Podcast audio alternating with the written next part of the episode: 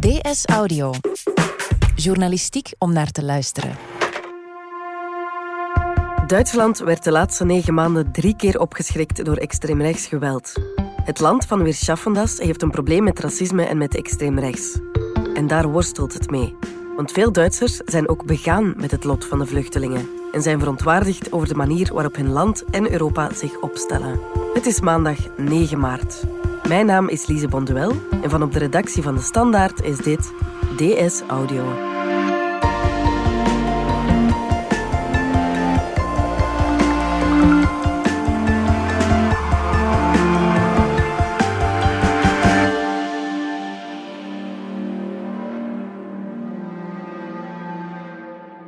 2019 stierven 1283 vluchtelingen en migranten bij een poging om Europa te bereiken via de Middellandse Zee.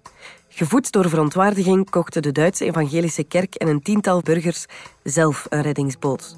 Corrie Hanke, buitenlandjournaliste van de Standaard, was erbij toen die boot werd gedoopt in Kiel, een havenstad hoog in het noorden van Duitsland, van zo'n 250.000 inwoners op een kleine dag rijden van Brussel. Corrie, Neem ons eens mee naar dat moment in de haven van Kiel. Het was een, uh, een, een, regenachtige middag in Kiel. En er stond heel veel Duitse pers beneden aan de kade. En ze hadden een fles champagne. Hoe is die flesje? Ik denk in een zakje van katoen gestoken. En daarmee wilden ze dan de boot officieel dopen.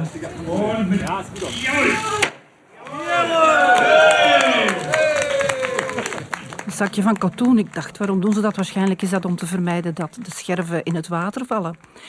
En op het schip stond de bisschop, die uh, het schip zegende.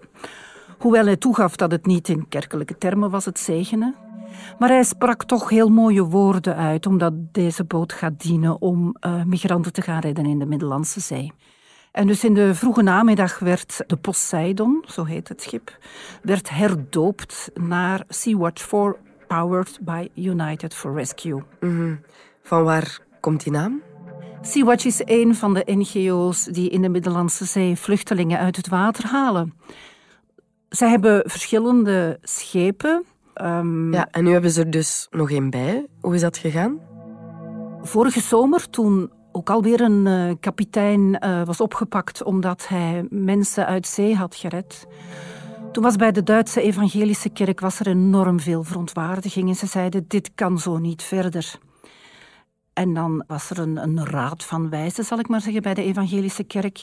Die dachten, weet je wat, we gaan zelf een boot kopen. Dan hebben ze lang gediscussieerd, want ze zeiden, de kerk die een reder wordt, dat kan niet, hoe gaan we dat doen? Dan hebben ze beslist van een, een organisatie op te richten United for Rescue, waar eigenlijk negen mensen aan de touwtjes trekken, vooral mensen uit de kerk. En die zijn gewoon geld gaan verzamelen. En dus in heel veel steden, in kerken en zo, stonden, stonden collectebussen. Maar ook particulieren hebben toen beslist om uh, mee te storten voor die boot. Dus ze hebben de oproep gelanceerd acht, negen weken geleden. En op die korte tijd hebben ze 1,3 miljoen euro verzameld. En dus de bischop zei tegen mij, ik had nooit verwacht dat het zo snel zou gaan. En hij was echt ontroerd over de vrijgevigheid van de mensen. Ja, dat is inderdaad indrukwekkend. Hè? En toen heeft de kerk dus een boot gekocht. Ja, toen ze dat geld hadden, zijn ze op zoek gegaan naar een boot. En uiteindelijk zijn ze heel snel op de Poseidon uh, gebotst. Mhm. Dat is een uh, boot waar onderzoekers die de oceaan bestuderen, die daarmee vaarden. En die boot hebben ze dan gekocht en hebben ze dan aan Sea-Watch cadeau gegeven. Sea-Watch, dus die NGO die in de Middellandse Zee vluchtelingen uit het water haalt.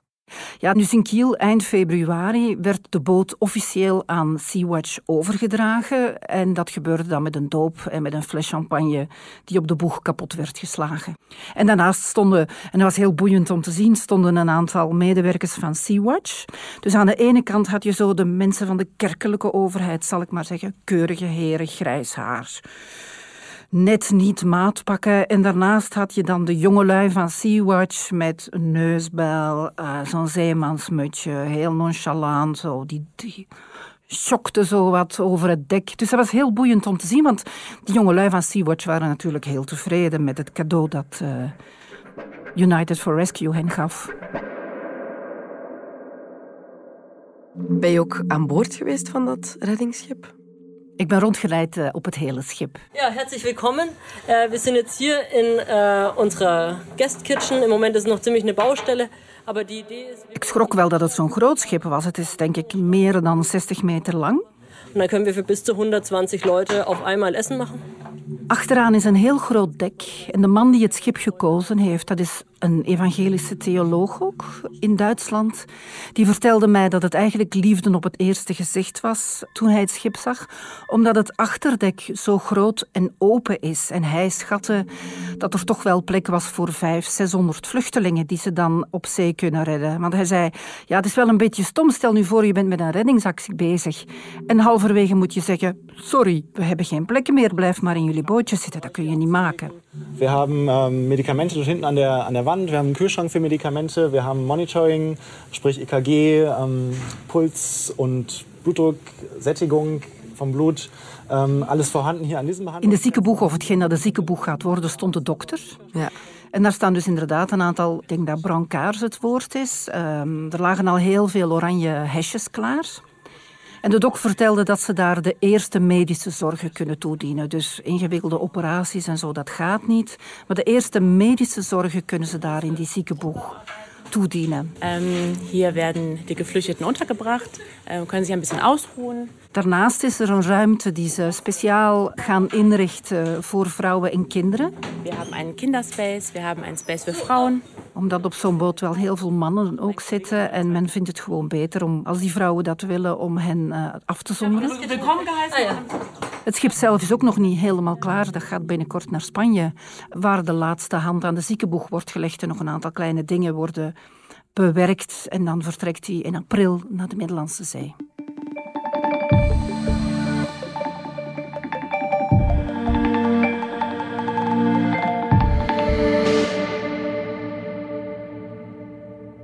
Ik vind het wel gek dat een NGO een boot moet kopen en dat de overheid niet ingrijpt.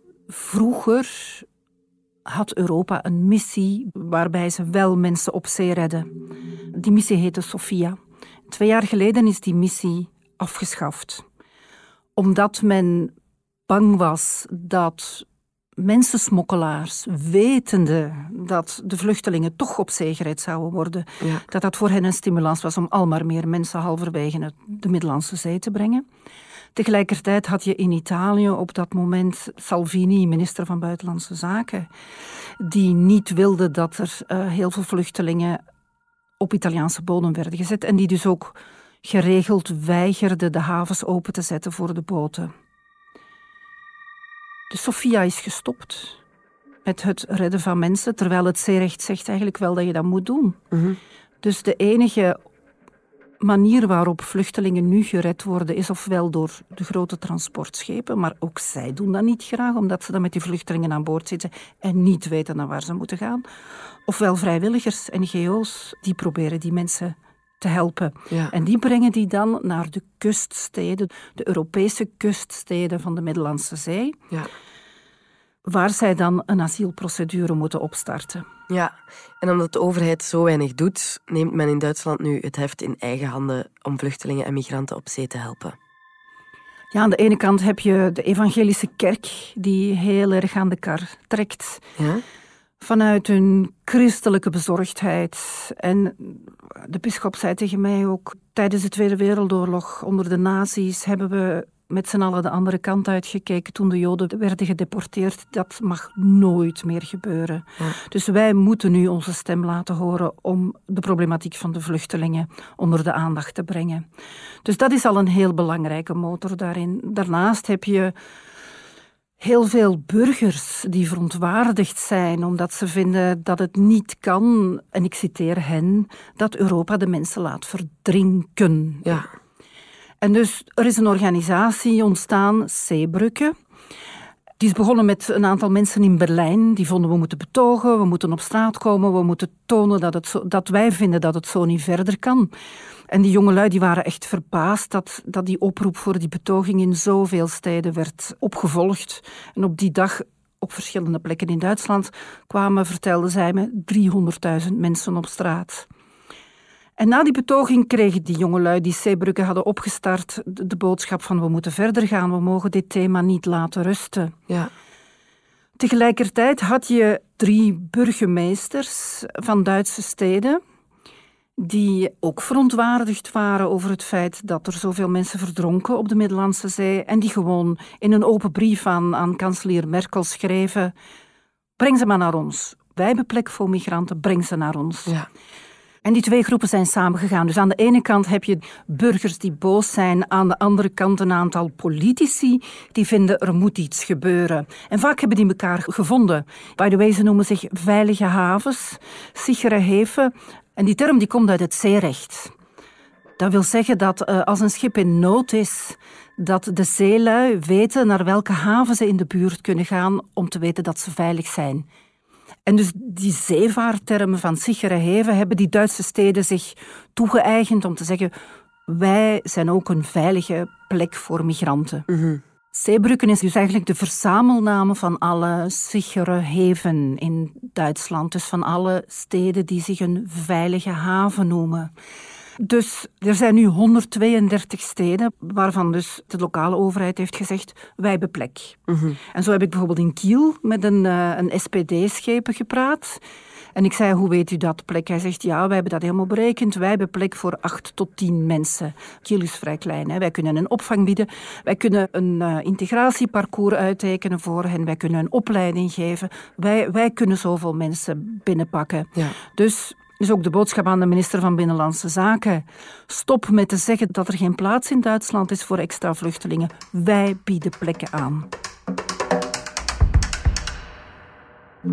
Komen die vluchtelingen die men op zee oppikt dan rechtstreeks terecht in die Duitse steden die zich sichere heven noemen? Helemaal niet. Die worden gewoon naar de kuststeden van de Middellandse Zee gebracht.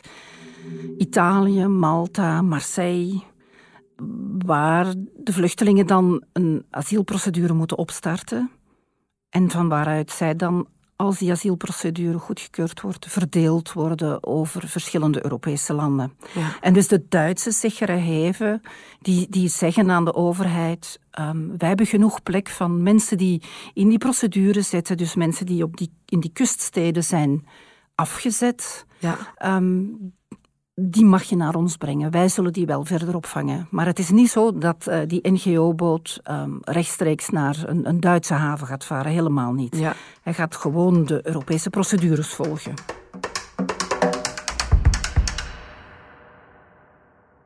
Wat vindt de Duitse regering hier eigenlijk van? Beïnvloeden deze acties het beleid?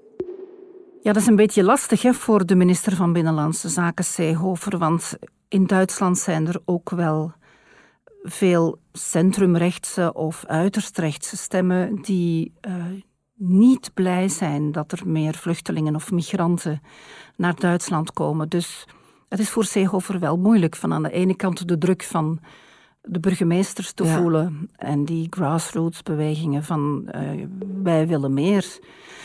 En anderzijds ja, het feit dat hij ook uh, rekening moet houden met de andere kiezers. Dus hij heeft geprobeerd om uh, vorig jaar in september op een top in Malta een nieuwe verdeelsleutel te krijgen, maar daar is niks uitgekomen. Dus de verdeelsleutel die ooit afgesproken is tussen de Europese landen van wie pakt hoeveel mensen binnen, die blijft.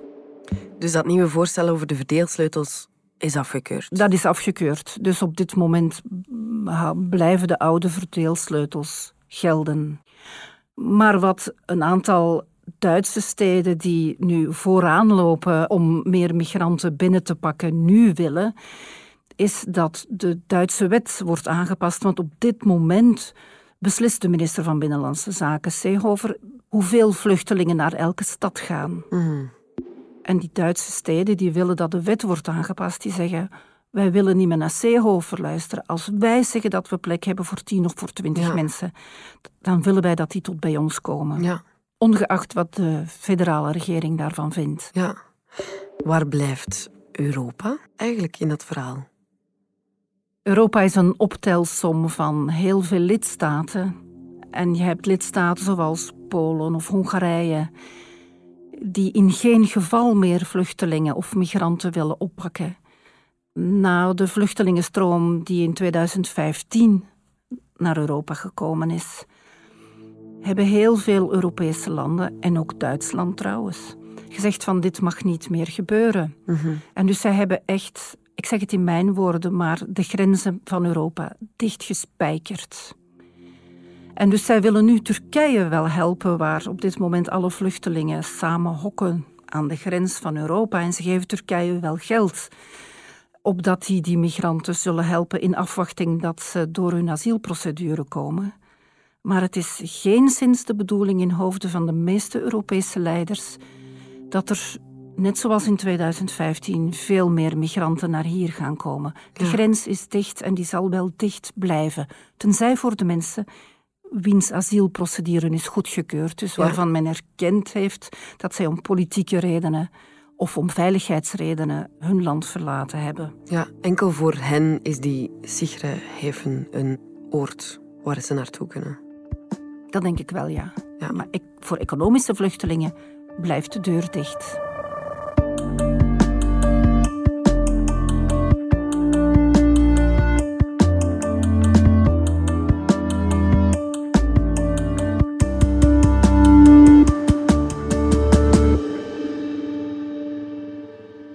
De doop van de Sea-Watch was op donderdag 20 februari. Eigenlijk een dag nadat een man in Hanau negen mensen met een migratieachtergrond doodschoot. In de Duitse stad Hanau. Hanau. In Hanau. In Hanau, bij Frankfurt, opende een man het vuur in twee shisha-bars. Dat zijn cafés waar waterpijpen gerookt worden. Negen mensen kwamen daarbij om het leven. Negen mensen bij wat de politie omschrijft als een terreurdaad. Van een dader die duidelijk racistische, Racistische en extreem rechtse motieven had. Hoe valt dat te rijmen met dit verhaal, waarbij veel Duitsers zich inzetten voor vluchtelingen en migranten? Ik denk dat je de twee groepen hebt in de Duitse samenleving. Aan de ene kant inderdaad, zoals overal in Europa, mensen die zich bedreigd voelen door de komst van die migranten. Mensen die om bepaalde redenen sympathie hebben voor extreem rechts, nazi-Duitsland. Tegelijkertijd heb je dan aan de andere kant van het spectrum een groep mensen net wetende wat hun land in de Tweede Wereldoorlog heeft gedaan, die zich daar enorm tegen afzetten. En die in mijn gevoel veel actiever en veel luider zijn dan in veel andere Europese steden, net omdat zij dat dubieus verleden hebben, dat miljoenen mensen vermoord zijn. Dus de link met extreem rechts voor veel Duitsers ligt enorm gevoelig, enorm pijnlijk. En als je met hen praat, merk je dat de aanslagen die recent allemaal gebeurd zijn, de laatste negen maanden zijn er drie aanslagen gebeurd. Een politicus vermoord, een aanslag op een synagoog en dan nu uh, in Hanau op uh, de moslimgemeenschap, zal ik maar zeggen. Die zijn geschokt. Die hadden zich nooit kunnen voorstellen dat dat in hun land zou voorkomen. Ja. Duitsland kent na de Tweede Wereldoorlog een beetje terreur of aanslagen van de linkerzijde, de Rode Armee-fractie. Ja. Maar dat extreme rechts de kop terug zou opsteken, dat hadden zij niet verwacht. Nee. En bijvoorbeeld nu, deze dagen, wordt er een grote conferentie georganiseerd over hoe moeten we hiermee omgaan. Hoe moeten we het racisme, het antisemitisme, hoe moeten we dat in ons land een halt toeroepen? Diplomaten zeggen mij, dit is heel ernstig. De overheid wil heel duidelijk een signaal geven van dit gaat niet meer gebeuren. Dit vinden wij superbelangrijk. Ja, dat klinkt wel hoopvol. Ik vind dat wel. Ik vind het hoopvol dat de Duitse regering beseft wat er op het spel staat. Mm -hmm. Dat de democratie misschien in gevaar is. En dat ze bereid is om actie te ondernemen. Ja. Om te, te zien van hoe kunnen we dit gevaar ontmijnen. Zal Europa, denk je, nog veel vluchtelingen toelaten daardoor? Dat denk ik niet. Ik denk het echt niet. Heel veel mensen denken dat de komst van de vele vluchtelingen in 2015 echt wel de kiemen gelegd heeft voor de groei van uiterst en extreem rechts in Europa. Ja. Dus men probeert, de vraag is of dat kan, maar men probeert veel meer de oorzaken aan te pakken. Dus men probeert in Afrika bijvoorbeeld te zorgen dat de mensen daar betere levensomstandigheden gaan krijgen, zodat ze niet meer de behoefte hebben om te vertrekken. Dat zei die bisschop ook tegen mij. Hij zei: Mensen die vroegen mij: is dit wel de rol van de kerk? Om op zee mensen te gaan redden. En dan ben ik hen gaan uitleggen, natuurlijk liggen de problemen ginder. Natuurlijk moeten de problemen in Afrika worden opgelost. Natuurlijk moet de oorlog in Libië stoppen. Maar dat mag geen excuus zijn om niet te helpen. Ja, we moeten nog altijd menselijk proberen kijken naar de situatie. Zeker, ja. Ja. Bedankt, Corrie Hanke. Graag gedaan. Dit was DS Audio. Wil je reageren? Dat kan via dsaudio.standaard.be. In deze aflevering hoorde je Corrie Hanke en mezelf, Lise Bonduel. De redactie gebeurde door mezelf, Anna Korterink en Sophie Albrecht. De eindredactie door Annelies van der Roost. Pieter Schrevens deed de audioproductie. Brecht Plasgaard schreef de muziek die je hoorde in deze podcast. Chef audio is Wouter van Driessen. De extra geluidsfragmenten die je hoorde kwamen van Corrie Hanke en VRT. Vond je deze podcast interessant? Weet dan dat je er elke werkdag één kunt beluisteren. Dat kan via de DS Nieuws app of via standaard.be-audio. Je kunt je ook abonneren via iTunes, Spotify of de podcast app van je keuze. En als je daar dan toch bent, schrijf gerust een review. Zo toon je ook anderen de weg. Morgen zijn we er opnieuw.